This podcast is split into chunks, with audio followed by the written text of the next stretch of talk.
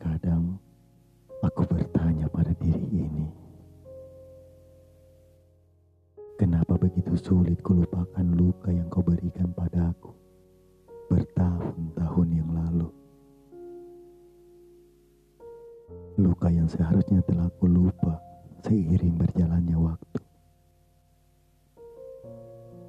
Luka yang seharusnya tak kurasa walau bersamamu bercerita masih ada? Masih terasa. Perih seperti baru kemarin kau gores luka itu.